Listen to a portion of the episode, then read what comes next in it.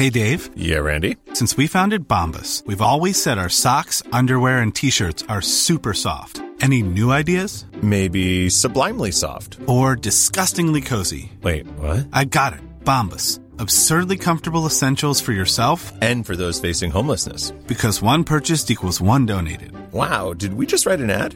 Yes. Bombas. Big comfort for everyone. Go to bombas.com slash ACAST and use code ACAST for 20% off your first purchase. There's never been a faster or easier way to start your weight loss journey than with PlushCare. PlushCare accepts most insurance plans and gives you online access to board-certified physicians who can prescribe FDA-approved weight loss medications like Wigovi and Zepbound for those who qualify.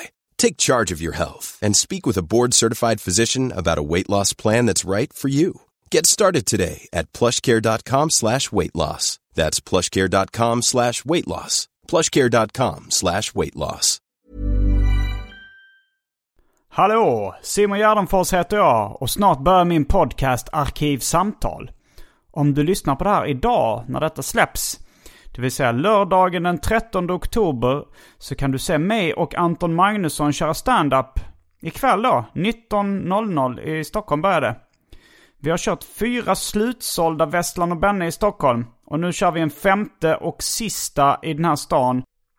Sen åker vi vidare med föreställningarna till Malmö, Karlstad och Göteborg. Biljetter hittar ni på specialisterna.se. Ni har väl inte missat min sitcom Mina Problem som nu finns gratis att se på YouTube. Den har fått sjukt bra respons.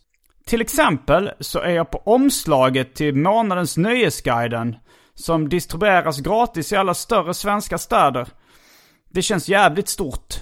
Det är intervju i den tidningen och jag har blivit intervjuad i Morgonpasset och sitcomen har hyllats i Svenska Dagbladet. Och YouTube-kommentarsfältet går helt bananas med lovord. Så in och sök efter mina problem nu. Jag kör även specialshow med snäll humor i Uppsala 17 oktober och Stockholm 18. Och alla mina gig kan ni hitta på gardenfors.blogspot.com.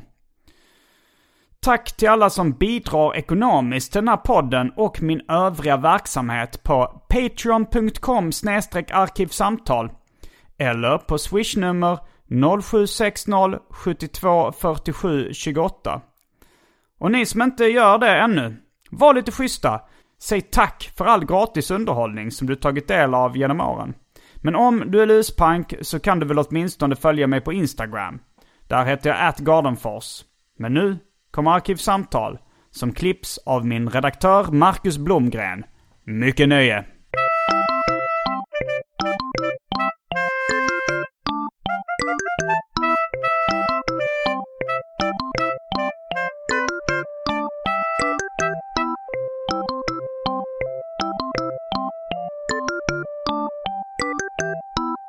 Hej och välkomna till Arkivsamtal. Jag heter Simon Gärdenfors och mitt emot mig sitter Martin Sonneby. Hej Simon. Du är eh, kanske idag mest känd för podcasten AMK Morgon. Ja, morgonprogrammet. Mm. Ska jag säga. Det är svårt att säga podcast för det, det, det antyder att man är, är spel, gör så här.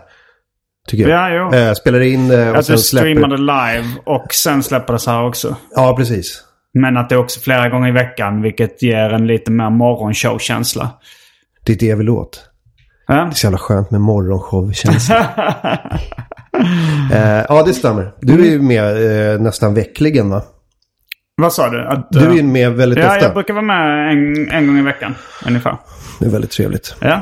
Det är en kombination. Ja, det känns det är ju som att ta en rolig fika med sina kompisar. Det är det jag vill åt också. Mm. Ett härligt häng. Ja, det är jävla stämning. Eh, Men idag så, så fortsätter vi tema-streaken av Arkivsamtal. Jag har börjat med att man pratar om ett visst ämne. Och den här veckan så ska vi prata om hur du försörjer dig i nöjesbranschen år 2018. The motherfucking grind. Mm. F- ja, precis. Eller det, det är väl, jag, jag antar att vi ska prata om hur man gör som vi gör. Ja, man är lite mer indie va? Absolut. Det finns, vi, vi kan ju gå igenom vad man har för alternativ. Men jag tänkte, jag hade Fredrik Andersson som gäst för länge sedan. Då, eh, då liksom pratade vi om humorns hemligheter. Hur man skriver skämt och så. här. Nu så ska vi prata om pengarnas hemlighet. Nej men lite, lite hur man går tillväga rent praktiskt. Jag tror... Eller jakten därpå va? Ja, det, det är ju ganska... Det är ju ett yrke i showbiz, nöjesbranschen. Uh, jobbar med underhållning och kanske konst och kultur i största allmänhet. Det är ju många som vill göra det. Få som lyckas. Ja. Och vi sitter säkert, eftersom vi har levt på det båda två ett uh, bra tag. Så sitter vi säkert på en del svar som kanske många undrar över. Ja. Och, det, och sen hela den här balansen mellan... Eh, alltså det är ju pengar, man behöver ju det för att liksom få det att gå runt. Det är som, det är som, det är som, det är syret som gör att det går runt. Men också eh, det här med att man, man vill göra roliga saker. Alltså Ja. man, man börjar, man, man liksom börjar i olika änder. Är det pengar eller roliga saker liksom? Jo, det är ju ofta en vågskål. Man Exakt. får, eh, man får lägga olika ägg i. Och det är ju det. Eh, och ehm, jag läste tidigt när jag började med stand-up. eh, nu kommer ett citat som jag säkert har tjatat ut lite. Men eh, det, var, det var någon som sa, i en stand-up-bok så sa de så här. If you wanna make money in comedy. Don't worry about making money in comedy. Worry about being funny. Ja. Och det, då menar de att om du, till, om du till slut är så pass kul att du blir oemotståndlig så, mm, så kommer pengarna också. Sen är ju det, när, när, jag, när liksom, jag, har- jag har mitt eh, aktiebolag, eh, min mamma hjälper mig med det. Eh, hon är styrelsesuppleant tror jag det heter. Eh, men när jag, när jag sa det citatet till henne så sa hon så här. Ja, det väljer du att lyssna på det örat. Liksom. Fan är du helt jävla dum i huvudet? Nej, men hon menar, och jag håller med om att det är en sanning med en modifikation. Det finns ju de som är väldigt, väldigt roliga men som inte tjänar speciellt mycket pengar heller. Så det finns en del tips och tricks och en del grejer man kan göra. Så är det såklart. Grunden måste ju ligga i att vara rolig. Ja, Ehm, eller om, om du ju- nu vill vara eh, på scenen i showbiz. Eller liksom... Ja, men om vi nu just pratar om stand-up till Jo, exempel. du kan ju kanske vara halvkul och köpa skämt. Om du, om du liksom är... eh, Det jag menar är att du måste ha en produkt, tror jag, från början. Du Ja. måste ha en produkt som i grunden är någonting som folk vill ha. Mm. Och sen, sen måste man ju börja sälja den. Liksom. ja, Men det, är ju var- det är ju många som har en toppenprodukt. Som inte kan sälja den. Jo, så är det ju. Eh, och det är många som har en fullständigt medioker produkt. Ja. Som säljer den väldigt bra också. Jo, men den ordningen, det var också någonting som jag läste i någon sån här... Jag, lä, jag, jag liksom sköt upp. Jag var med stand-up på grund av nervositet. För det är en jävla liksom tröskel att kliva över det här och ställa sig på scenen och hoppas på att folk ska skratta. Och det gör fruktansvärt ont. Och det gjorde fruktansvärt ont när knappt någon skrattade åt mina första skämt. Och, så det var liksom en grej som jag sköt upp väldigt mycket. Och i det stadiet så tänkte jag, men jag kan läsa på lite om det innan liksom. Så jag läste eh, lite för många böcker om standup. Och det, man, lär, man lär sig mycket mer av att bara göra det. Ja, egentligen. Men, men det var, jag tyckte det var kul att läsa dem och fick väl en del sådana citat. Och ett som jag tänkte på nu när vi sa den här ordningen. Det var någon som skrev så här. Den här ordningen ska det vara Get good, get noticed, get paid. Försök inte att liksom eh, ändra på den ordningen. Om du liksom, du får inte betalt innan du är bra eller har fått uppmärksamhet. Och det är inte speciellt bra för uppmärksamhet innan du blivit bra på någonting. Det var någon grej jag såg igår. Det var någon, eh, jag hörde om någon influencer som var på någon comedyklubb. Eh, Mm, jag eller influencer, det. det var någon YouTube-humorist. eh, Någonting i den stilen. Ja. Mm. Som var svinpopulär. Och hade dragit, det kostade 300 pers. Johanna någonting. Ja, precis. Eh, och skulle göra sitt, eh, jag vet inte om det var första gig eller något Ja. sånt där. På stand-up-scenen. Och det är ingen bra idé tror jag. Jag tror att man ska Nej. smyga, om man nu vill, verkligen vill göra det. Då ska man nog smyga in det.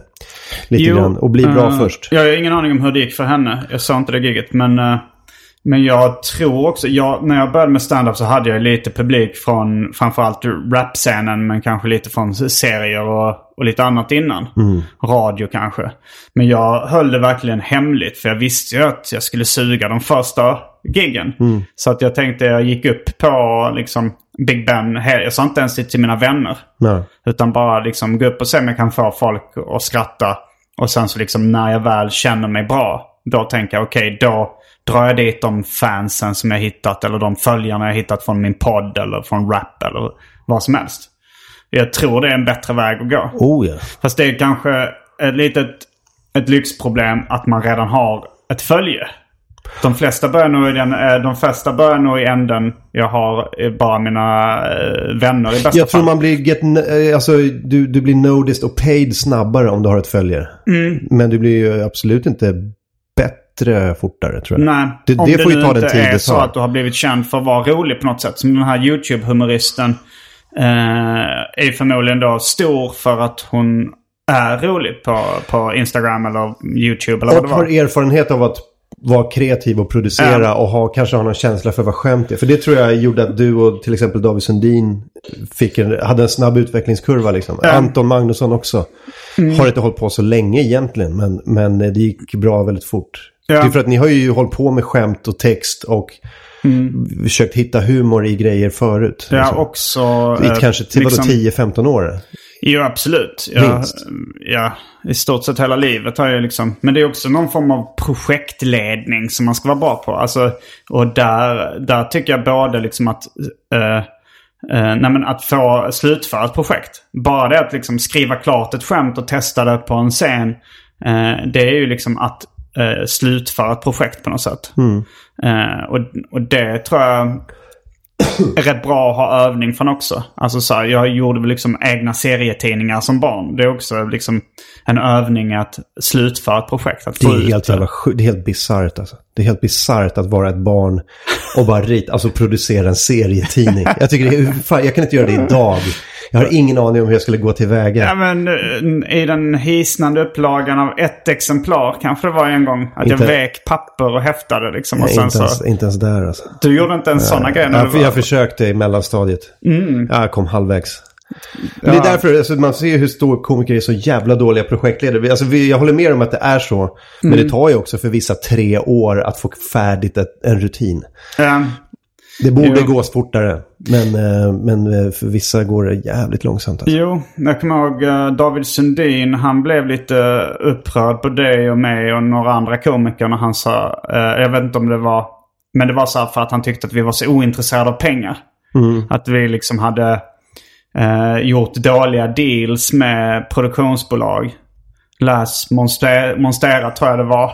Eh, som vi, alla hade, gjort, alltså skrivit på rätt dåliga avtal med. Man, får- man, får, eh, man får avräkningen i slutet av eh, jobbet och bara Va? Jaha, oj, jävlar. Okej. Uh, nej, man har ju skrivit på ett kast kontrakt som man får skylla sig själv. Eh, det får vi göra. Jag men, vet inte ens om jag skrev på någonting. Okej. Men uh, nej, jag vet inte heller om jag skrev på det. Men det fanns ett kontrakt i alla fall som jag hade läst. Någonstans. läst. Men, men eh, David Sundin han är ju lite mer business-minded tror jag än, än de flesta komiker. Och han sa så här, men ibland kan jag bli så jävla frustrerad över er liksom uh, er totala ointresse av pe- för pengar. Ja. Eh, Men det kanske är det som har gjort er så bra på stand-up också. Att ni fokuserar på det hela tiden. Ja, men jag tror det. Alltså det var en gång när jag, ehm, eh, jag producerade en liten miniturné för en amerikansk komiker som heter Louis Katz. 2015 tror jag att det var. Och vi gjorde, eh, han skulle göra tre gig. ehm, eh, Malmö, Göteborg, Stockholm. tre dagar. Och, ehm, och jag gjorde allt. Jag, så här, jag, jag promotade giget, jag bokade ställena, jag fixade, alltså, alltså det som du gör i stort sett med dina Vesslan och Benne eller vad det är. Um, men alltså du Men, och så- menar och jag hur, jag- hur jag gör reklam för det eller? Nej, hur du, du gör väl allting från början till slut kan jag tänka mig. Alltså, bokningar? Nej. Men bo, nej, okej. Ja, men Nej, jag- det är jag- Hampus Algotsson eh, just det. som bokar eh, Just lokalerna nu. Just det. men men eh, det är väl nästan det enda han gör. Ja. Alltså marknadsföring och sånt sköter Ja. jag och Anton. Ja, just det. Nej, men för att, eh, för att ja, men jag gjorde allt. Jag Mm. bokade ställena, jag bokade, eh, jag fixade affischer, jag, jag satte upp affischer. eh, Eller fick dem uppsatta. Jag fixade biljettgrejen, resorna. Alltså, alltså allting var bara jag. Mm. Och jag kände när man väl skulle stå där på scenen och du vet, värma upp lite. Var Du lite, värmer någon upp typ av? Mm. Ja, var lite konferencier eller du vet uppvärmningskomiker. Bara så att han kommer upp på scen och, får, och gör en bra show. Så var jag, alltså jag kände hur all humor hade liksom runnit ur mig. alltså jag var, så, jag, jag var det minst roliga jag någonsin varit. Efter att ha gjort det där i flera veckor. Och sen en hel dag av turné.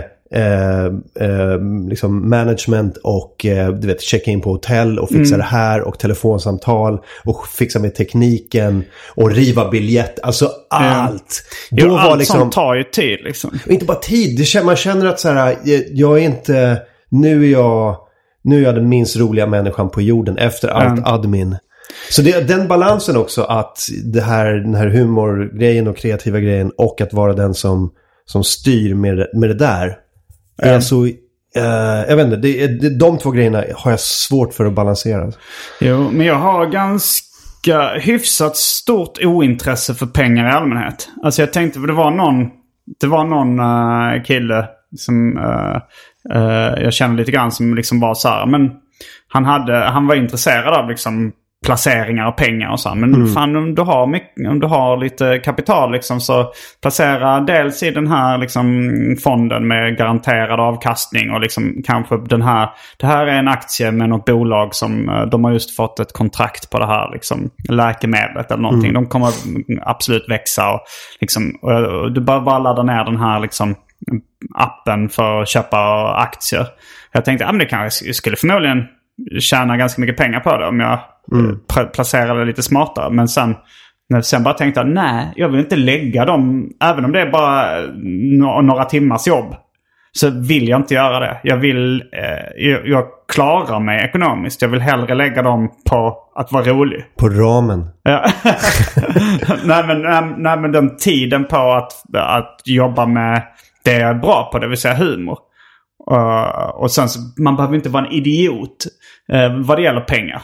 Man kan ju läsa igenom kontrakt och kanske be någon kasta ett öga på det liksom. Ja, Eh. men, men det, det är rätt tydligt att både, för både du och jag att så här, vi är inte i det här gamet för pengarna. Nej. Det är inte så att man går in i det här gamet och bara nu, nu ska vi göra riktigt mycket pengar. Utan Nej, man är så här, inte. nu ska vi göra tillräckligt mycket pengar så att vi kan fortsätta jobba med det som är roligt. Liksom. Jo. Och, kunna, alltså, och det är en sån jävla lyx också, att kunna välja bort saker. Mm. Att inte behöva ta det där pissiga gigget eller det där det där jobbiga som man måste ta tag i bara för att det råkar vara bra betalt. Liksom. Mm. Bara att kunna säga nej. Jag behöver inte de pengarna. Jag är lugn. Um, Eh, och eh, och det, det är en fruktansvärt stor lyx. Det är, Absolut. någonting, det är någonting jag tänker på nästan, eller jag försöker att tänka på det nästan varje vecka. det är som en sån här, någon som är tacksam inför Gud och försöker tänka på det inför varje Ja måltid. men faktiskt, jag är Um, jättetacksam för att så här, jag har, alltså med AMK morgon, det, det rullar på. Jag känner inte, jag får lite över varje månad men jag har ju enorma utgifter i, i sammanhanget. Alltså en studiohyra och, eh, och en anställd och, eh, och utrustning, alltså andra grejer. Alltså det är väldigt mycket som ska betalas varje månad för att jag ska kunna göra det. Eh, men det är lugnt, det är lugnt liksom. Och Det sen är handlar ju mycket om vilken burn rate man har liksom. Alltså jag, när jag började som serietecknare då tänkte jag så okej jag kommer knappt dra in en krona på det här. Eh, men jag får bara anpassa min livsstil till att leva extremt fattigt. För att det var det jag ville göra. Ja. Medan, det var när jag var nere i Malmö och spelade in podd med Jonathan Unge eh, för ett tag sedan. Då var det så att han, nej men han, eh, han åker jättemycket taxi och han väljer liksom inte de billigaste taxibolagen. Utan han har fått för sig att de dyraste är bäst, vilket eh, inte stämmer heller. Men, eh, men liksom som var, ah, jag måste sluta åka taxi nu. Liksom, jag, min ekonomi är eh, körd i botten. Jag har skulder, liksom, jag är pank. Så sa jag så, men drar inte du in rätt mycket pengar på Lilla Drevet? Och så, jo, vi får in massa pengar på det. Men, eh, men lyckas Tom Cruise leva över sina tillgångar kan jag också lyckas leva över. Ja, det är ju inte svårt alltså. Johnny Depp brände Ja, det var kanske Johnny Depp han 600 menade. miljoner eller något sånt där. Det, så här, det, går, att- det går att bränna. Ja, det, Det- för jag tyckte det var så, fan du Jonathan tjänar säkert mer pengar än vad jag gör. Och ändå går du runt och är pank. Så. Ja. Men det är väl bara att han är slö, mer slösaktig. Liksom. Oh ja. Eh, Det- ja, det var nog Johnny Depp som han uh, refererade till. Jag vet inte hur... eh, eh, vem sa jag? Tom Cruise. Tom Cruise. Jag vet inte om han har levt över sina Jag tillgångar. tror Tom Cruise har järnkoll på sina pengar. Ja, det- alltså han har han har det. fruktansvärt bra... Alltså hans, hans kontor är perfekt inrättat. Ja, jo, han har nog koll också. Jag tror han... eh, eh, Alltså... Han är ju med i den här, vad kallas nu sekten? Scientologerna. Scientologerna. Om det nu räknas som sekt vet jag inte. Men jag vet ju att det går ju att bli rik eh, om man är högt uppsatt i sådana organisationer också. Ja. Jag lyssnar just på eh, podden eh, Uncover Ex- eh, Escape Nexium. En ganska spännande podd om en, eh, en sekt liknande verksamhet eller sekt rakt av i USA eh, och Kanada. Eh, och där blir de ju snorrika, liksom de som är på toppen av pyramidspelet. Eh, men innan vi fortsätter det här samtalet så ska vi kasta oss in på det omåttligt populära inslaget Välj drycken.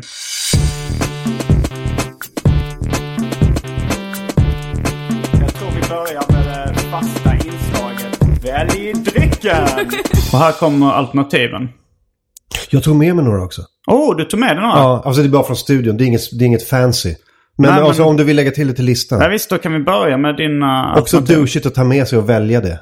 Det tycker jag absolut inte. Det är nästan... eh, det är en fin gest. Jag tänkte att jag ska bidra med någonting. Du kan spara dem sen. Ja, skitsamma. Uh, Läs upp. Okej. Um, God morgon apelsinjuice. Fanta Grape. Faxe Condi. Fanta Zero. Le, Dia- Le Diable Rouge. En 50-procentig absint.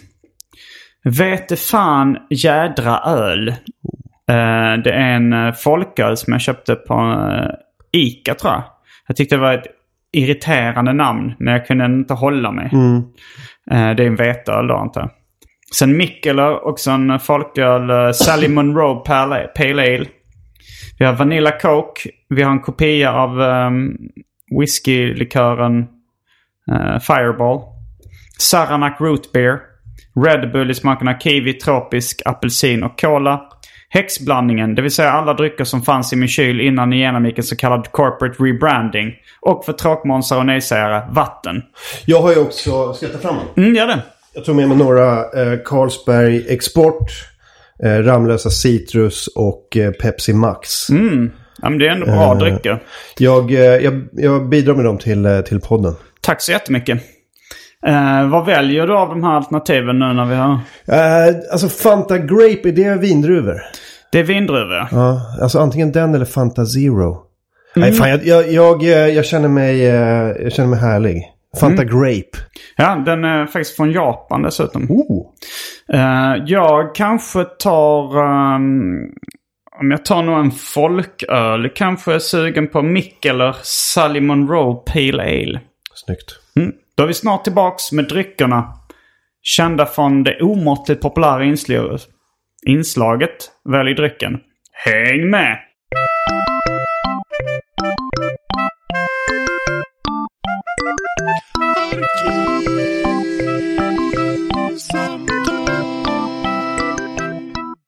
Är vi tillbaks med dryckerna. Fanta Grapen som är från Japan och eh, i en så liten förpackning så att man kan tro att den skulle vara från ett flygplan. Jag känner mig som en jätte. jag har den där lilla. Ja. Och jag öppnar min Sally Monroe öl och häller upp i ett grönt stop. Ja, mycket bra. I like. Också väldigt... Du tog med den här i resväskan alltså? Nej, jag fick den av en kompis. Kan ha varit eh, Jens Rosengren eh, eller eh, eh, Arkivsamtal-lyssnaren och eh, Arkivsamtal eftersnackgruppen. Administratören som kallar sig Pokari Sweat. Eh, någon av dem tror jag det var som jag fick den. Härliga minnen av eh, eh, läskedrycken Pocari Sweat från Japan. Väldigt simpel blåvit logga. Ja, jag har den faktiskt i kylen. Den, är, väl- den är snygg. eh, så jag, jag tror jag har en gammal som jag sparat eh, som på display monter i min, kyl, i min kylskåp. Minns också från Japan en, eh, en citronläsk. Eh, som de hade tryckt så full med C-vitamin, i alla fall enligt eh, innehållsförteckningen. Så var det så här, det stod någonting i stil med C-vitamins from 90 oranges. Eller lemons. eller någonting. Alltså, det, var så här, det var så sjukt mycket. Jag tror inte det var så mycket. C-vitamin. Men oh, hade det varit det så är det sådär. Det, var, varför? Det är ju löjligt mycket. Ja, man Ingen kommer behöver- pissa ut resten. ja, precis. Eh, så det är, ju- det är väl, väldigt mycket att elda för kråkorna. Men varför vill man sälja in det med 90 citroner? De gillar eh, när det är lite överdrivet. Mm. Eh, men det- just den här citrondrycken på vintern i Japan så är den varm. Att man får ut den varm från de här läskautomaterna. Och fy fan, varm läsk alltså. Ja, fast det är väl mer varm citronsaft då. Det är ingen kolsyra. Okej. Men jag tycker den är rätt god. Och det, Du vet vilka jag pratar om? Jag tror jag vet vilken du pratar om. Mm. Men, eh, men just den med så jättemycket C-vitamin, den är inte eh, lika god. Men man kan hitta riktigt god citrondryck i Japan. Mm. Tillbaks till eh, ämnet. Vad var vi? Du... ehm, Ja, burn rate. Ja, Ja. Du har inte så mycket burn rate. Eller? nej, inte så farligt. Alltså, Ja, jag, men lever ganska, lever ganska enkelt. Inga barn. Ingen, Inga barn, ingen bil. Ingen båt. Nej. Inget landställe. nej, det stämmer. Men jag reser väldigt mycket utomlands. Det är lite burn på det. Det, det, det där... Jag äter mycket på restaurang. Och eh, Det jag reser mycket utomlands. Det är, mina, det är det jag bränner mina pengar på. Mm. Eh, vad bränner du mest pengar på? Det är nog, eh, jag skulle nog säga samma. Mm. Eh, mina dagliga, jag börjar närma mig lite Jonathan, det blir lite Jonathan Unge-flagg på min taxikonsumtion just nu. Mm. Är det dyrt att ha hund? Ja, inte, det är inte min största utgift tror jag. Men jag har en hund som är lite, har lite medicinska eh, grejer att ta hand om. Mm. Hon har en njursjukdom och sånt där. Så det är ganska mycket besök hos veterinären. Så det kan vara sådär varannan månad, tre lax. Mm. Ja, det Du vet, och sen är det lite mediciner på det och sen är det mat. Så, ja, men kanske jag skulle säga, jag skulle säga ett snitt på kanske 2000 i månaden tror jag det kostar i alla fall. Mm. Men det, det är för att hon är sjuk. Hade hon inte varit sjuk så hade det kostat Hundmat är inte så dyrt. hundmat liksom. Det är väl allt. Mm. Eh, Men säg 500-600 spänn i månaden. Mm. Så det är inte så farligt. Nej, det... Men vad sa du? Resor, och, resor, resor och uh, Ja. restaurangbesök är dina stora... Ja, mycket restaurang. Mm. Och eh, sen när jag reser bort så vill jag gärna bo fint. Fan vad jag... Ja, det räknar jag nog in i man Absolut, reser, men, liksom. men resorna blir ju dyrare därav. Liksom, att man, eh, man kollar på de schysstare hotellen. Ja. Fan vad jag gillar bra hotell alltså. Finns Ja. inget bättre. Eh, jag har börjat, alltså så här, uh, börjat uppskatta det lite grann också. Innan så kunde jag bo på de värsta så här, pisshaken. Mm. Men uh, jag har börjat bli lite, lite bekvämare. Ja. De senaste tio åren för mig har varit så Mm. fan nu vill, jag, nu vill jag bo nice. Det är liksom hela behållningen med att åka någonstans. Mm. Man kollar in hotellet så här. Det pirrar mer vad gäller hotellet än själva resmålet. Mm. Ja. Jag kan bo var fan som helst. Finns det några sådana hotell i Sverige då du skulle kunna åka till bara? Och... Ja, alltså det har ju hänt att jag har checkat in på Grand Hotel i Stockholm. Mm. Över en helg. Men det är, det är speciellt när du bor i Stockholm. Ja, nej det, det är inte för att jag behöver någonstans att Men- sova. Det är bara för att, eh, för den där sköna vibben av att så här, man kan bara släppa allt. Så Mm. jävla gött. Så jag rekommenderar att göra det. Grand Hotel just. Mm. Mm. Det är det bästa hotellet i Stockholm. Det finns inget bättre. Nej. Nej, jag har bara varit i foajén och försökt fotografera. Det var en kompis som skulle göra en, en serie. Alltså eh, inte en... Det skulle vara som en tecknad serie fast med fotografier. Och då skulle vi... Och han fick inte tillstånd att liksom fot... Det var en, spe, en scen som skulle utspela sig då. Det handlar om en, eh, om en kille som eh, var fixerad vid Meatloaf. Och skulle hänga då på Grand Hotel och försöka träffa Meatloaf. Och, eh, och han, han fick inte tillstånd att fotografera i lobbyn där. Ja, de är Men, känsliga med sånt. Nej, men eh, så vi skulle bara gå dit och göra det. Liksom så här. Jag, jag skulle då hålla i kameran och han skulle spela den här. Det var då Petter Sjölund som faktiskt var med i avsnitt tre av, eh, av Arkivsamtal. När han berättade om sin tid eh, som andra kameraman på porrfilmen Fy fan 3. I det avsnittet. Men eh, nu eh, den här scenen så skulle jag då hjälpa honom att göra den här fotoserien. Och då spelade han, det var Henrik Bromander som hade skrivit manus men Petter skulle liksom eh, fota serien och eh, spela huvudrollen. Den här mannen som var fixerad vid Meatloaf. Så vi, jag var där och tog foton tills vi blev liksom utkastade i stort sett av Ja, okej. vakterna. De krävde inte att man skulle, det var inte sån här att de sliter ut filmen eller något Nej, sånt där. nej, Men de bara, ni får inte vara här Ja. liksom, och fota. Ja, eh, nej, men jag kan rekommendera det. Det, är- det, någon gång tycker jag att du, om du ska fira någonting, att det är någonting har Men gått... vad kostar det att det Kanske fem lax. Fem lax för ett dubbelrum liksom? Mm. Okej. Ja, det, det... Man märker ändå att du har en viss burn rate inom dig. Nej men alltså det händer, det händer ju inte. Det är inte så att jag gör det liksom en gång i månaden. Men det, jag gjorde det... Jag börjar bli svettig bara av att tänka på det. Nej men eh, jag gjorde det en gång i våras. Och sen fyllde min tjej år i eh, somras. Så jag var där en gång i våras och en gång i somras. Mm. Så det är så farligt är det inte. Nej, men det, det antyder... Det, det tyder ändå på att det går ganska bra om man har råd att göra det. Två gånger på, på ett år. Ja men alltså många bränner ju eh, fem lax på andra saker. Alltså, alltså det är som en weekend. Så här, Vissa drar iväg till, jag vet inte. Jag London tänk- liksom en weekend. Det är ju mycket, Ja, mycket mer än fem Det gör, ju, det gör jag ibland. Ja. Eh, men, eh, men jag tänkte på det faktiskt när... För jag, jag har just eh, själv eh, producerat eh, första avsnittet av min sitcom. ja. Och det är många som liksom... eh, och och det, jag har gjort en i stort sett nollbudget. Det är liksom ingen, ingen som har hjälpt till har fått betalt. Och jag själv har ju liksom haft de flesta utgifter och sådär. Eh, det är ju alltså inte helt nollbudget. Men det är så här om man beställer en kalanka docka från Kina så får jag betala den liksom. Och, eh, ifall jag ska köpa nya batterier till kameran och en bärbar hårddisk så ligger, lägga ut det liksom. Så ska du hyra kameror och så ska du hyra en bil. Och sen ska du eh, fixa ljuset. Och sen är det klippning. Och sen är det så här. Men i stort sett nollbudget. Ja, nej, men, men allt det du sa nu har inte jag lagt ut en spänn för. Det är bra. Jag har, kameror har jag lånat av underproduktion. Jag har inte hyrt en bil en enda gång. Eh, I så fall är den uh, regissören Adam Hilario. Han har en bil så han har ju kört lite liksom. Jag fattar. Eh, och klippning gjorde jag och han och betalade ingenting för. Alltså det var verkligen det du nämnde nu. Det var, och ljuset betalade vi heller ingenting för. Det var också låna en lampa från underproduktion. Jag använder mycket solen. Ja, mycket befintligt ljus. Men eh, ja, det är ju fantastiskt ju. Men det är väl eh, det är skitbra att man kan göra sådana grejer. Ja, men jag tänkte på det för att folk frågar, alltså så här, men de utgifterna så sa jag så här, men ja, det är ju inte mer, det är ju inte dyrare. Det hade varit dyrare om, jag, om min hobby hade varit golf.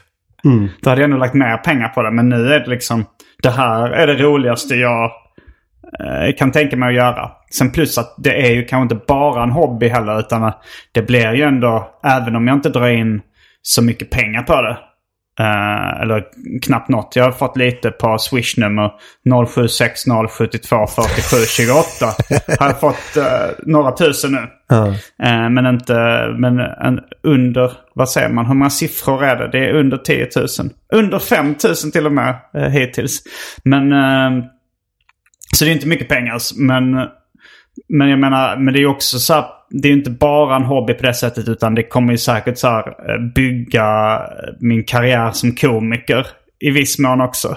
Att det drar Ja, men- till sig publik och... Ja men det är väl det. Allt man gör är väl en chansning i stort sett. Det är väl som att ställa sig på scen Mm. och eh, testa skämt gratis eh, 250 gånger. Inte, det är inte så att man får pröjs varje gång man går dit. Nej, just det. Utan man- du tränar ju och du, man lägger ju ner massa eh, så obetalda timmar på någonting Jo, som man kanske visste ju inte ger... att man skulle få betalgig då ens. Liksom, man Nej, började. precis. Så att jag menar, allt, det, här kan, det här är ju en chansning också. Det Ja. är ju skitmycket. Och sen när du börjar tjäna pengar så, eller om du gör det, så, Mm. så föll det väl ut. Men eh, det är samma sak som den här turnén jag gör också. Mm. Skit. Och det är, fan vad är pengar investerade i det liksom. Och tid.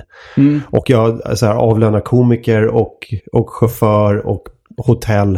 Eh, och hyr ställen liksom. Och det är inte säkert att du kommer gå med vinst eller? Nej, absolut inte. Men, Absolut inte. Alltså, jag är, jag är skitglad om jag går jämnt upp på det här. Mm. Men då har ju alla komiker fått betalt. Så det har i alla fall skapat lite lite gigs till folk. Skapat arbetstillfällen. Exakt. Så, och, det, och det är betalning nog Simon. det, det, det värmer i mitt hjärta när jag har skapat arbetstillfällen. Och det gör, nej fuck that. Jag vill ju också tjäna pengar. Men, men jag menar att man tar en chansning. Liksom. Jo, men jag antar att var, vi startar ju, du startar AMK. Nu heter podden, podden, eller morgonshowen heter AMK morgon. Det är väldigt viktigt att den är streamad Simon. Ja, Men, eh, men du, typ samma vecka som jag startade Arkivsamtal så startade ni eh, Alla mina kamrater. I folkmun känt som AMK. Och jag vet inte hur det var med er, men för min del så var det verkligen... Där försökte jag rädda lite ölskum. jag hällde upp lite eh, Sally Monroe Pale Ale och skummade över. Men jag tror jag hann suga upp en stor del av det. Eh, Skummet och ölen ligger nu på en ratio av, jag skulle säga 60-40 till ölens fördel. nej, till skummets fördel. Till skummets fördel, förlåt. Ehm, ja, nej, men när jag startade Arkivsamtal. Jag trodde inte att jag skulle tjäna pengar på den överhuvudtaget. Nej. Trodde ni, hade ni det i bakhuvudet? Liksom, att Hade aldrig en tanke på det. Eh, man tänker att någon gång det kanske fanns någon... ju inte liksom Acast och sånt fanns inte då. Nej, och eh, sponsorer av poddar var väldigt... Det var väldigt lite sånt. Ja, nej. Då, 2012 var det vi startade dem va? Mm. Jag då tänkte, var jag, det tänkte knappt på, någon som hade Ja. sponsorer. jag tänkte bara på två grejer och det var ett, att det var roligt och två, att det var möjlig exponering för någon sorts humorintresserad publik. Liksom, som man sen kan ehm, liksom, sälja stand-up till eller göra något annat till. Jo. Liksom. Så det var, men det var bara två, de två grejerna. Alltså, rena cash hade jag ingen tanke på. Nej, det hade inte jag heller. Jag trodde ju... Jag hade inte börjat med stand-up då. Men jag tänkte ändå att när jag kollade på liksom hur gör man nu för att bli komiker. Så såg jag ju väldigt mycket amerikanska komiker som hade poddar. Och tänkte det här är säkert ett bra sätt. Och det var det verkligen också. Jag lärde ju känna...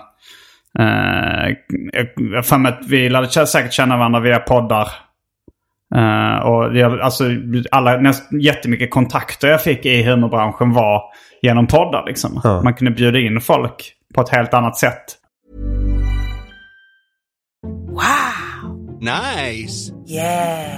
What you're hearing are the sounds of people everywhere putting on Bombas socks, underwear, and t-shirts made from absurdly soft materials that feel like plush clouds. Yeah, that plush. And the best part? For every item you purchase, Bombas donates another to someone facing homelessness. Bombas. Big comfort for everyone. Go to bombas.com slash ACAST and use code ACAST for 20% off your first purchase. That's bombas.com slash ACAST. Code ACAST. Quality sleep is essential. That's why the Sleep Number Smart Bed is designed for your ever evolving sleep needs. Need a bed that's firmer or softer on either side? Helps you sleep at a comfortable temperature? Sleep Number Smart Beds let you individualize your comfort so you sleep better together. JD Power ranks Sleep Number number 1 in customer satisfaction with mattresses purchased in-store. And now save 40% on the Sleep Number limited edition Smart Bed for a limited time. For JD Power 2023 award information, visit jdpower.com/awards. Only at Sleep Number stores or sleepnumber.com. Want flexibility? Take yoga. Want flexibility with your health insurance? Check out United Healthcare Insurance Plans. Underwritten by Golden Rule Insurance Company, they offer flexible, budget friendly medical, dental, and vision coverage that may be right for you. More at uh1.com. Det är ju, om, om man bara skulle vilja ta en fika med Henrik Schyffert hade han förmodligen inte svarat på det mejlet. Men om man skriver vill du vara gäst i min podcast? Så säger han för det mesta ja. Vi eh, har kommit fram till den punkten att vi inte kan umgås om inte någon har tryckt på rec. vi vet inte hur man gör längre. Nej, men, men lite så man så det sitter där och bara, är det någon som spelar in det här? För annars är det här helt meningslöst. Ja, man tycker ibland när man, när man har riktigt bra eh, konversation så blir man ju lite så att man tycker det är lite slöseri. Mm. Att man vaskar det podd, poddguldet. Så man vi eldar kunna- för kråkorna nu. Det är för bra vibb för att inte spela in det här. ja, nej, men det, det, var, det var ju skitbra såklart. Eh, Men jag tänkte, jag tänkte aldrig att det skulle innebära rena cash. Liksom. Men Nej. man visste ju att det var en del av jobbet på något sätt. Det här är en bra Ja. grejer inom, inom eh, eh, cirkeln eller boxen som är mitt jobb.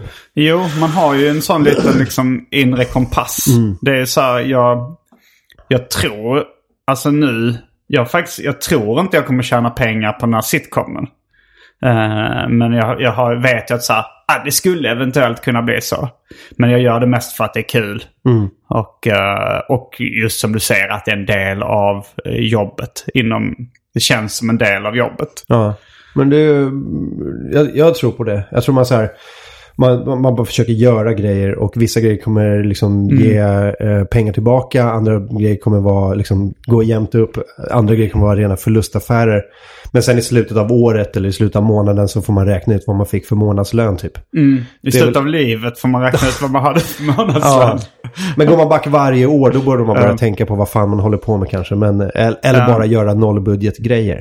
Ja. Eh, Men, då måste man ju ofta ha ett jobb vid sidan om. Ja, exakt. Men Vi- någon gång så här, man kan inte bara sitta och tänka på så exakt vad det kommer att ge i slutändan. Nej. Liksom. Men det, bara, jag tror man måste bara ta chansningar och göra grejer. För det var ju också så här, eh, när vi började då, når- eh, 2012 med poddar. eh, Och bara för att det var roligt så fanns det inga pengar i det. Men när det väl började komma in pengar i det så hade vi ett försprång. För vi hade liksom startat och poddar som hade blivit populära successivt. Eh, och, då, och då så liksom helt plötsligt så var man i framkant när det väl fanns pengar att roffa åt sig. Liksom. Eh, så, så liksom de som gjorde det som ett passionsprojekt eh, fick det ju lättare än de som började, ah, här finns det pengar att tjäna. Nu startar jag en podd. Man märker så himla tydligt också vilka det är som gör det för pengarna. Och vilka det är som gör det av intresse. Som hade gjort det oavsett om det fanns pengar i det eller inte. Ja, Jag tycker jag, man vet, inte, märker jag av inte, vet inte om det är lika tydligt. Det är så här, eh, alltså jag, jag tror säkert så att Alex och Sigge gör det väldigt mycket för pengarna. Men att de tycker det är jättekul också. Ehm, Och att de kanske, fast de har ju länge snackat om att de, eh, ja men nu känns det som att vi borde gå vidare. Men det, Ja. vi måste fortsätta ett tag till för våra sponsorer har köpt så, så många spottar. Ja, men sen bara fortsätter de ju. Nu kan jag tänka mig att, det, att de gör det delvis för pengarna. Men, det är Mm. inte, men jag tycker inte det är riktigt tydligt alltid vem det är som gör det för pengarna och, och inte. Jag, tror, jag tycker man ser ganska många som, eh, ja men du vet, kändisar som är så här, det, är, det är en del Ja, av ja, ja. grejen som så här, nu, du ska ha en podd också. Och hade det inte funnits pengar i det, då tror jag inte att man hade gjort det. Nej. Utan de går dit lite pliktskyldigt, bara ja, men det, är en, det är en extra liksom, eh, faktura att skicka eller något sånt där. Jo. Det tror jag. Pernilla Wahlgren tror jag gör det för pengarna. Det känns, ja, det där, där känns det som någon som gör det för pengarna. Eh, eller, eh, eller olika sådana här, man ser att de har fått en sponsor. Liksom. Man ser att någon, någon har fått en, ett klädmärke eller, eh, eller någon, någon typ av öl eller någonting. Eh, Och så gör de någonting som har med det att göra. Liksom. Det är tydligt. ja, Och, men de överlever ju heller inte. De, alltså, de blir ju ofta rätt kortlivade också. Ja, man, det är ju lättare att om man gör det för, av passion så kommer man ju fortsätta år ut och år in oavsett vad som händer. Exakt. Men jag tänkte på det här med att ha ett extrajobb. Um, för jag kommer ihåg Albin Olsson. Vi började med stand-up ungefär samtidigt. Och ehm, då hade han, efter något år innan och sånt så hade han hört en podcast med eh, Magnus Bettner. Där Magnus Bettner sa så här, ja men om du liksom vill försörja dig som stand-up-komiker. Jag tror det var stand-up-komiker då han hade som exempel eller som han pratade om då. Eh, säg upp dig från jobbet och satsa helhjärtat på det. För du kommer, alltså, du kommer få ett försprång från de andra som gör det vid sidan om då. Det kan, det, han sa att det kommer nästan vara omöjligt att, att lyckas om du inte liksom lägger alla korten på, eller så här, alla äggen i den korgen. Eh, och så Albin gjorde det, att han upp sig från jobbet då och satsade uh, helhjärtat på standupen. Ja. Men, men jag funderar på det för att om det alltid... Det finns ju de som har lyckats också eh, säkert som har haft ett jobb vid sidan om. Och långsamt liksom jobbat upp en publik och kanske en buffert av pengar eller liksom en karriär. Men någon gång måste man tror jag göra det där steget och det där steget är jobbigt från en, en, stadig inkomst och eller fast jobb på något sätt till att eh, hoppa över till någon som, någonting som inte är så jävla säkert ekonomiskt. Ehm, Och det tar tid innan det blir säkert ekonomiskt när man hittar den där... eh, Nej, jag Mm. vet inte, man hittar någon sorts flow, man hittar, får tillräckligt mycket kontakter och grejer, och gig som man kan liksom försörja sig. mm. Men oavsett om du, om du jobbar eh, skithårt eller dubbelt två jobb till exempel i Ja. ett tag för att sen ha en ekonomisk buffert när du hoppar över. Ehm, Eller om du hoppar över direkt utan buffert. Så kniven någon, mot strupen Ja, precis. style. i- Så, så någon gång kommer det bli jävligt jobb. Den transitionen är inte enkel liksom. Mm. Eh, på olika sätt. Eh, så det, det är skitbra att ha en, en ekonomisk buffert så att Ja. du kan jobba gratis i ett år eller någonting. Men har du inte den så kommer du behöva jobba upp den. Och det, så, här. så oavsett så kommer det vara, det kommer suga. Oavsett Ja, liksom. det, det var svårt. Alltså jag kommer ihåg när jag tog det klivet. Men då, men då, och då var det ändå väldigt välplanerat allting. Mm. Alltså jag... eh, då var ju liksom... Då var det serietecknare och kanske liksom... Jag höll på med musik på samma sätt som jag håller på med den här sitcomen nu. Att det är så här. Det här gör jag. Jag har ingen... Jag tror inte jag kommer tjäna en spänn på det någonsin. Men jag tycker det är kul. Ja. Och vi får se. Eh, Alltså så här, eventuellt. Jag, nej men jag tänkte inte på pengarna vad det gällde musiken överhuvudtaget då liksom. Men jag visste att med serier, eh, tecknade serier så kunde jag då få lite eh, pengar. Jag visste att det fanns stipendier man kunde få. Man kunde få lite pengar för böcker och publiceringar i serietidningar. Eh, men min plan var ändå så här att gå mycket på bidrag. Ja. Eh, och då, hade jag, då jobbade jag på Egmont, serieförlaget, som serietidningsredaktör. Men då var det också så att jag la undan pengar varje månad. Liksom försökte spara ihop en buffert. Jag tecknade även eh, vid sidan om. Eh, tills jag hade en färdig bok som liksom låg färdig för publicering. Innan jag eh, sa upp mig eller slutade jobba där. Eh, och eh, så jag liksom tecknade lite på jobbet också. Jag tog med, satt på arbet, betald arbetstid och tecknade liksom lite då och då också. Och sen, och sen så hade jag ju liksom då också planerat ut, okej så här länge kommer jag kunna gå på a-kassa. Och sen kanske eh, efter a-kassa kanske jag kan gå på starta eget-bidrag. Och efter det så sen fick jag reda på det projektverkstan att man kunde få CSN. Då var det ju CSN-lån liksom. Men för att göra ett projekt. Så jag hade väl planerat men det var ändå verkligen så här, shit. Nu ska jag, nu ska jag liksom säga upp mig från ett jobb där, där jag, liksom, jag var 21 när jag började där och fakturerade typ 41 000 i månaden någonting. Och det här var, och det var länge sedan, det var ju liksom runt millennieskiftet. Ja, det. Så det var väldigt välbetalt för mig. Men jag, och, och det gjorde ju också att jag i och för sig kunde lägga undan en ekonomisk buffert. Att jag kunde liksom lägga undan pengar. eh, på ett bättre sätt. Men det var ändå så här, man kände så här, fan jag har ju ändå en framtid här som välbetald serietidningsredaktör. Ja. Eh, ska jag verkligen gå från det till att bli en fattig, fri konstnär? Men vet du varför redak- redaktörsjobben också i tv-branschen är ganska välbetalda? Det är för att de är så jävla tråkiga. De vill ju ha... Fast det är ju städjobb är också tråkiga men inte välbetalda. Ja, jag vet. Men, alltså, men i sammanhanget. De vill ju, För de vill ju ha sådana människor som är, som är typ kreativa. Men som, eh, som inte vill göra det där jobbet. Så du, de måste betala ganska bra för att, det ska, Ja. för att de ska kunna eh, hugga dem. Så här, alltså jag, Det är också när jag är var- ett chefsjobb med mycket ansvar på något sätt. Ja, liksom, så- man är innehållsansvarig och Mm. sånt där. Men, men jag var ju redaktör på, jag hade gjort stand-up i ett år eller ett och ett halvt och blev Mm. liksom redaktör på ett humorprogram på tv.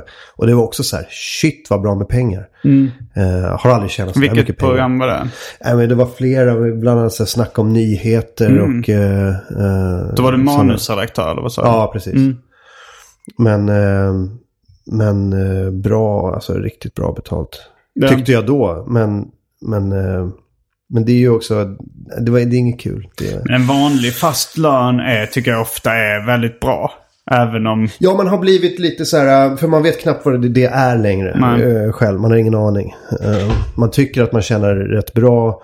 Och sen visar det sig vara ganska dåligt. Och sen ibland tycker man att man tjänar jordnötter. Och så bara, Ehm, fast det kommer in, alltså omsättningen är ju hög liksom. Mm. Men har du tjänstepension till exempel? jag vet knappt vad det är. Nej. jag, jag tar det som ett nej.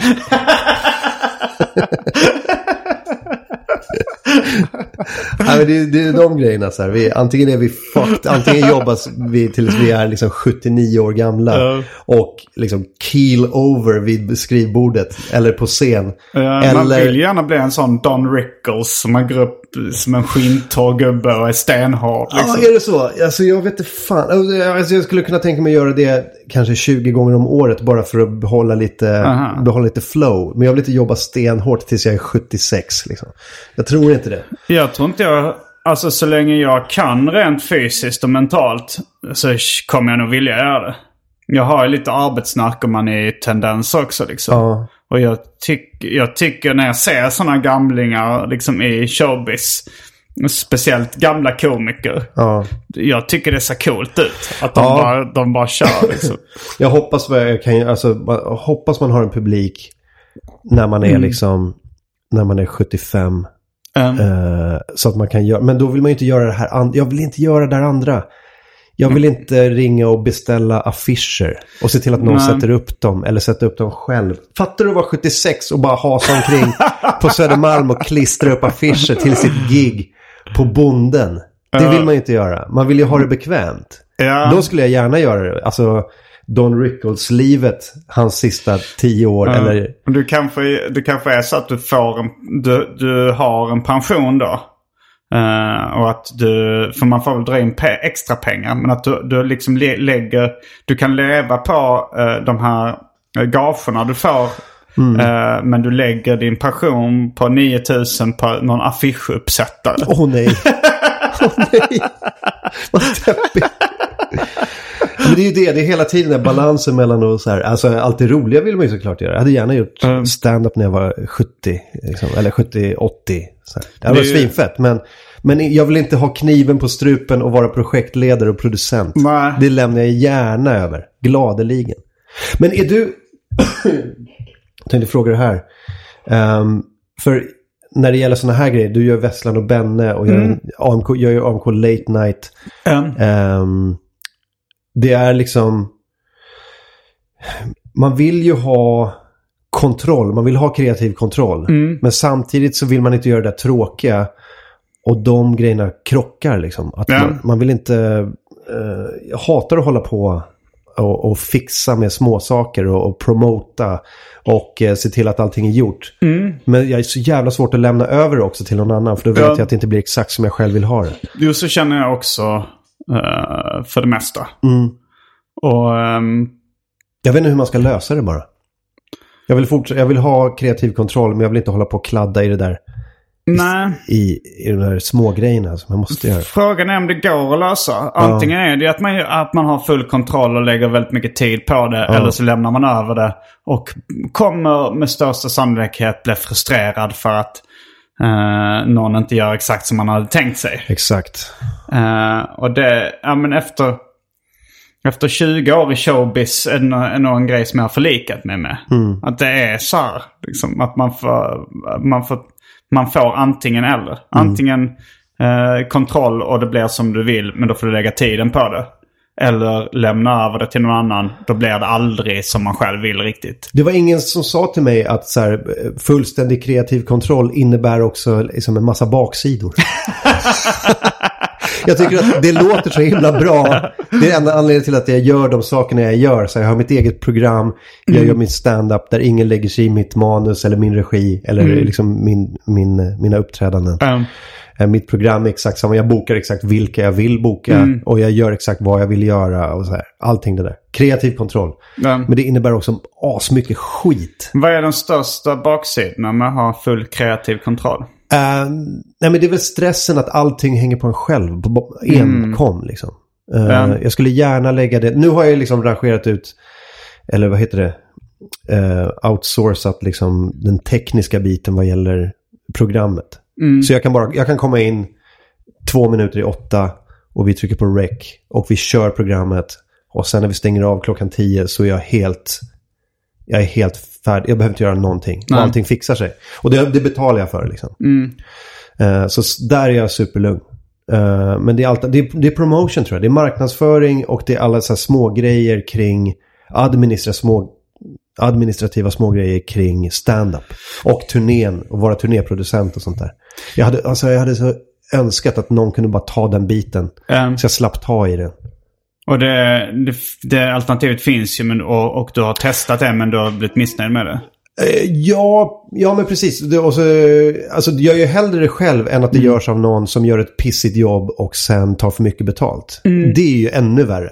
Ehm, Ehm, så, eh, men... eh, så jag vet inte hur... Jag måste hitta någon som är skitbra. Som jag har råd med också. Ja. Det, jag tycker nu när vi kör med Hampus Algotsson så är det en rätt bra balans. Att han liksom bokar lokalerna och vi sköter marknadsföringen själv. Jag kan tycka att det är lite när det är någon annan som liksom... eh, när liksom egentligen någon annan, om jag vill boka till en vanlig klubb. Och så, så ringer de och säger så här. Det har sålt dåligt. Du måste göra mer marknadsföring. Då känner jag mer stress. För att liksom jag får dåligt samvete inför någon annan. Som kanske liksom eventuellt kommer gå back. eller inte kommer tjäna så mycket som de har räknat Alltså med. Molly Comedy Club där du får ett fast gage för att headlina. Och Ja, har de så kan sålt, det vara. Så, så har de sålt dåligt. Men, Men men det ligger lite eh, på dem också. Det är, Jo, det gör det ju. Men, men jag blir ändå stressad Ja. av det liksom. Och det, det är mycket guilt-tripping eh, inblandat. Mm. Att Marcus Johansson från Oslipat ringer och är helt förstörd för att eh, han tror att kvällen inte kommer sälja så bra. Mm. Eh, och då, är det så här, så då får jag dåligt samvete och liksom uh, gör mer reklam. Och sen kommer man dit så är det slutsålt. Tills, ja, men det blir kanske det då. Det, Ja, vilket lyckligt slut på och den här lilla kanske- anekdoten. Ja, men det kanske är delvis för att han har pressat alla komikerna inblandade och guilt-trippat dem. Men jag, då, jag tycker det är skönare då att ha ansvar själv. Att, att det är så att okej, om, jag sälj, om jag säljer dåligt så kommer jag tjäna mindre pengar. Mm. Men ingen annan. Och då, då liksom är det så här, okej då gör jag så mycket reklam på Instagram och, och sånt där som jag tycker känns rimligt. Liksom. Men jag tycker det är skönt. att För jag, ibland när jag har haft massa gig inbokade. Och det är typ tre, fyra olika som ringer och skriver du måste göra mer reklam. Vi, är, vi har inte sålt tillräckligt. Då blir jag stressad alltså. Mycket mer stressad än när jag håller i trådarna själv. Ja, absolut. Ja, men det, jag, kan, jag kan känna igen det där. Alltså jag, jag är ju stressad i vilket fall som helst. eh, eh, om jag, oavsett om det är mina egna grejer eller om det är någon annans. Liksom. Men lika jag, stressad. Men, men ja. Eh, men eh, man vill ju... Jag, jag tror att det, man vill bli av med den där stressen. Alltså k- kreativ kontroll, ja tack. Eh, Eh, stress, nej tack. Stress, nej tack. Fan vad... En sån t-shirt. Ja, på, frams, på magen står det kreativ kontroll, ja tack. På ryggen när man går förbi, stress, nej tack. ja, men så ska man producera den här t-shirten. Då ska man ringa tryckeriet och en jävla designer. Och så är det fel på designen. Och, sen, och så är det stress över det liksom. Eh, Lyssnarna av podden ringer och säger att de fått fel storlek. Och, Ja, exakt. Eh, hela den, hela den Mm. biten. Så, här. så nej, fan vad, man vill ju... Ja, jag vet inte. Jag vill bara hamna på en nivå där jag kan betala folk för att ta över min huvudvärk liksom. Ja. Men jag, jag känner det, det, här, det här har jag hört ganska mycket folk säga som jag har samarbetat med eller andra i branschen liksom. Och eh, även folk som börjar tjäna riktigt stora pengar. Du, du tjänar i och för sig rätt bra liksom. Det kommer alltid finnas den här typen av problematik. Jag tror nästan man måste bara förlika sig med tanken på det. Ja, kanske. Bara så här att så att säga gilla läget. Att det är så här det kommer vara. Det är en rätt så stökig och stressig bransch liksom. Eh, Ja, nej men det, förmodligen är det ju mer. Alltså, eh, jag, säg att jag gör... ehm, jag producerar um, comedy-shower nu som, med, som kanske tar in 200 pers. Eller ja, i snitt. Vissa är 500, andra är liksom eh, 150. Men säg, säg att man så här, 200 pers kommer och tittar på en show. Um, det, det, det blir inte mindre press om man, om, man kommer, om man börjar boka ställen som tar in tusen. liksom. Nej, nej, nej, Alltså då är ju, den ekonomiska risken är ju mycket högre. Liksom, allting är ju så här higher stakes. Jo. Det är inte så att bara så här, en pokerspelare är så här, ja fan vad skönt att komma upp till tusen dollars blind-nivån. För då, är det liksom, då släpper all stress. Bara, nej, det, det är ännu mer stress. Eh, man borde kanske känna mindre stress om man har så här 10 miljoner på kontot. Om man säger så här, okej nu på det här riskerar jag en miljon. Då borde man känna så här, okej, då har jag 9 miljoner om det här misslyckas. Ja, alltså man, ja, man riskerar inte konkurs varje Nej. gång. Men, men eh, jag tror att stressen kommer bli högre. Jo, man men har skillnaden, en miljon, det kommer nog bli mer stress än om man riskerar... skillnaden på den nivån är att 2000. man kan, man kan avlöna folk som kan ta över jobbet åt en. Men, då, men när det handlar om så stora pengar då är det också så risken att de du avlönar blåser dig är överhängande. Mm, ja, det, det är sant. Det, jag tror det blir nog... Ja. Det är nog som Puffy och Mace uttryckte det. More money, more problems. Ja, men lite Sa så. de i en låt som de drog in väldigt mycket pengar på. Och fick mycket mer problem. men... Ja, men eh, jag tror det. Vad fan, det är, det är som vad fan Ray Romano sa det. Så här, att, eh, för när, jag var, när jag var broke så var det så här, my cab driver's an asshole. Then I got rich and it's like my limo driver's an asshole. Så här, det, är alltid, det är alltid samma.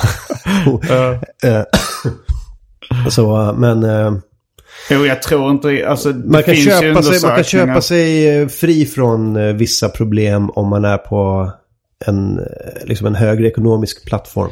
Ja, men det sägs ju att det, det är upp till en viss lön som motsvarar ungefär en svensk läkarlön tror jag. Och sen när du nått det taket så blir du inte lyckligare av pengar. Nej, Du men inte lyckligare. Men, men jag tror att man kan köpa ehm, lite sinnesfrid. Det tror jag. Det är inte för lönen jag tänker. Alltså jag, jag skulle ju klara mig på, får jag bara göra det här och göra Mm. roliga saker med roliga människor, då är jag skitnöjd med en, med en mindre lön. Men Jag är eh, mer pessimistisk där faktiskt. Att jag tror att om du skaffar en, om du köper dig en turnéproducent. ja, Då kommer du, sinnesfriden kommer vara så här, vad fan, nu har jag betalt dig så här mycket och du sköter inte ditt jobb tillräckligt bra. Och det är en st- eh, stressgivande tanke liksom. Och så kommer det förmodligen bli. tack. Det finns inget hopp. Du får nöja dig med det du har. Abandon hope, ye Ja, men- who enter this comedy show. Vad var det för något? Jag vet inte, det är väl någon sorts eh, biblisk grej va? Eller eh, är det Dante? Jag vet inte. Abandon hope. Och vad var det? Ye who enter. Eh, jag vet inte. Ja, du som, eh, du som eh, gör Du som går igenom de här portarna. Du måste ge upp Som är comedybranschen. Övergiv allt hopp. Ja, men det, det är kanske bra, eh, bra mantra. När tog du det här klivet, det här hoppet från liksom ett fast jobb till osäker fri konst? Ja, men jag hade inget. Eh, jag, jag pluggade och sen hoppade jag av plugget och så var jag liksom i någon sorts limbo Okej. i... Men hoppa av plugget kanske var ett sånt steg. Men det kan Ja. inte vara för att satsa på...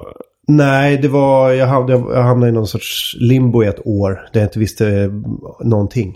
Mm, en depression eller? Ja, djup. Tung. Och eh, så då tänkte jag att jag kan lika gärna göra comedy för det kan inte bli värre än så här. Klipp. Klipp till... Nej, det blev väl inte värre än så. Klipp till att det blev bättre. Ja, men det, blev, det blev bättre ganska fort. Ehm, men, men så att jag gjorde inte det. Så jag var redan broke så det kunde inte bli sämre. Uh, så Men du kunde den- dra på dig enorma skulder. Mm, Hamna i ekonomiska trångmål. exakt. Ja, är man på den eh, mångmiljonnivån då kan man också vara mångmiljonskulder. Det har Mm. man sett. Du drog på, på dig lite skulder ett tag väl? Ja, jag hade en enorm eh, skatteskuld.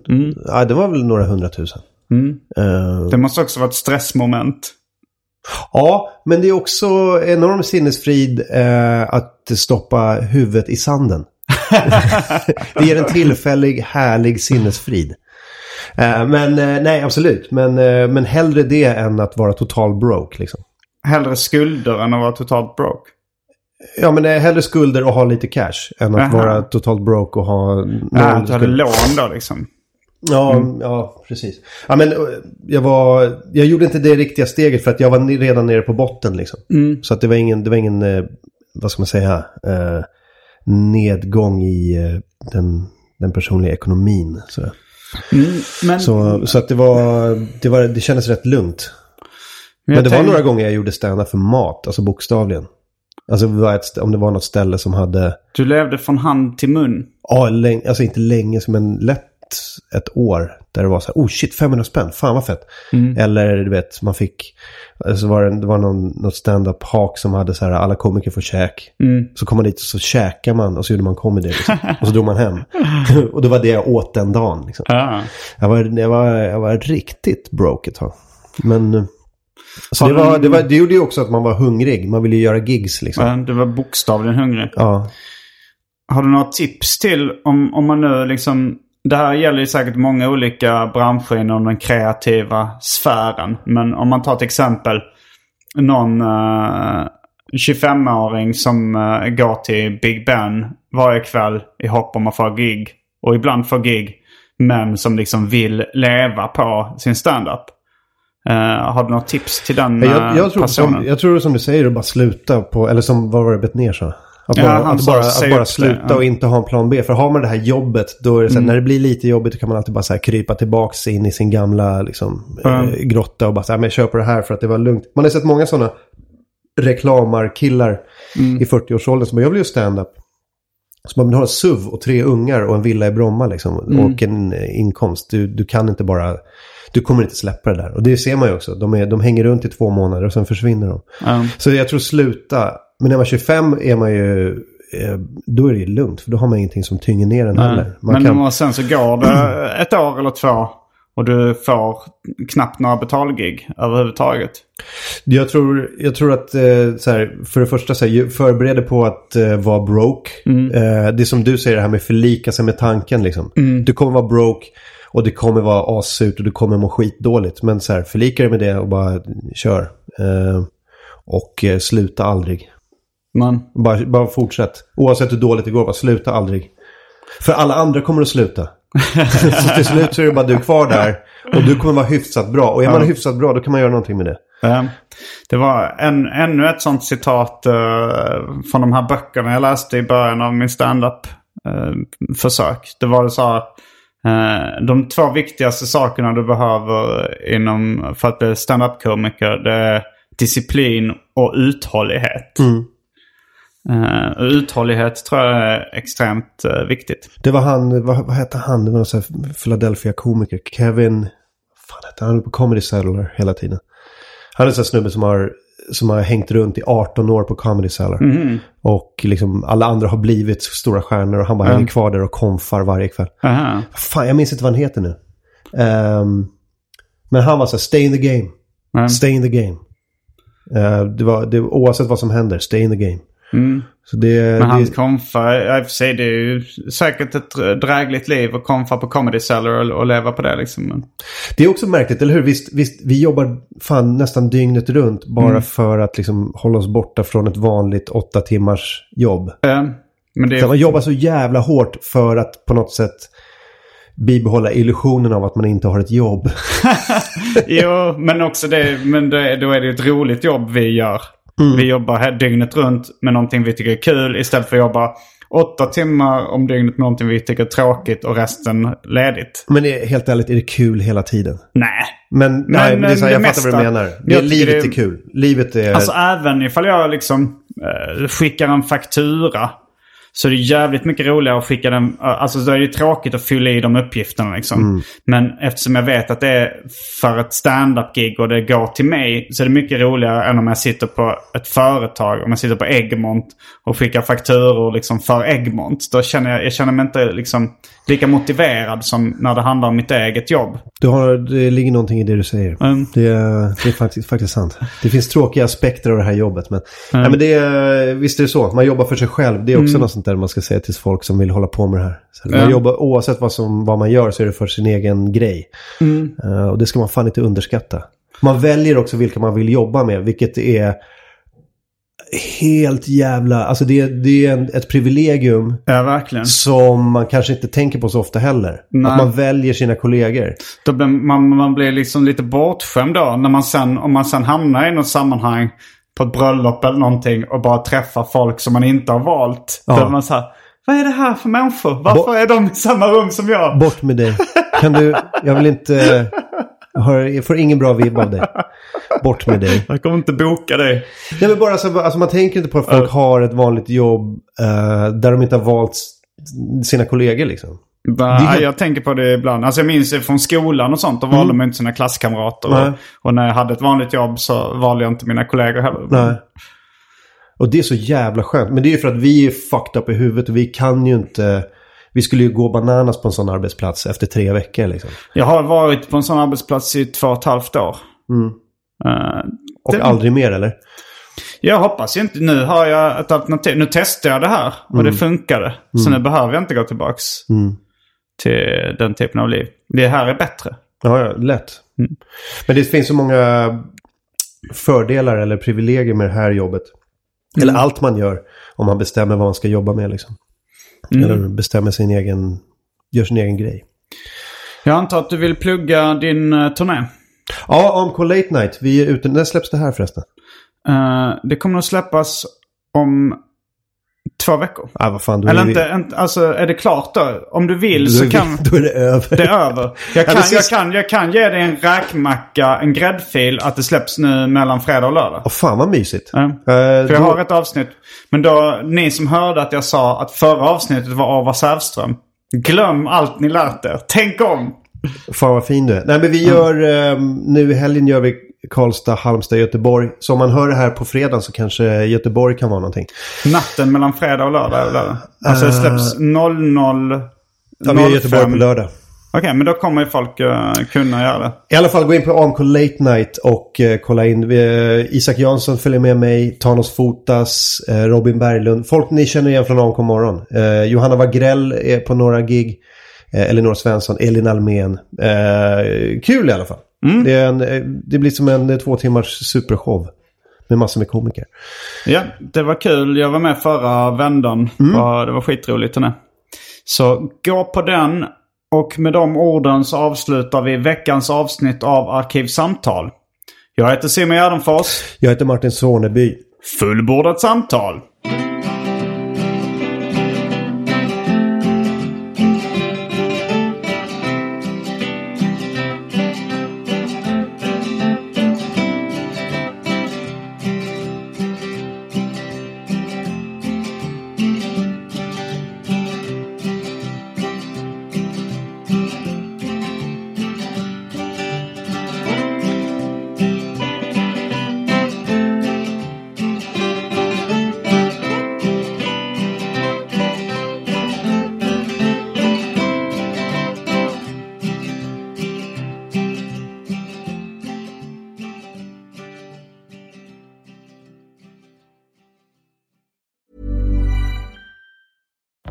Flexibility? Take yoga. Want flexibility with your health insurance? Check out United Healthcare Insurance Plans. Underwritten by Golden Rule Insurance Company, they offer flexible, budget friendly medical, dental, and vision coverage that may be right for you. More at uh1.com. Hey, it's Paige DeSorbo from Giggly Squad. High quality fashion without the price tag. Say hello to Quince.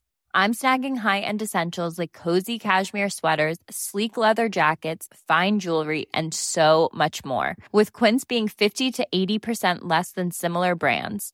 And they partner with factories that prioritize safe, ethical, and responsible manufacturing. I love that. Luxury quality within reach. Go to quince.com slash style to get free shipping and 365 day returns on your next order. Quince.com slash style.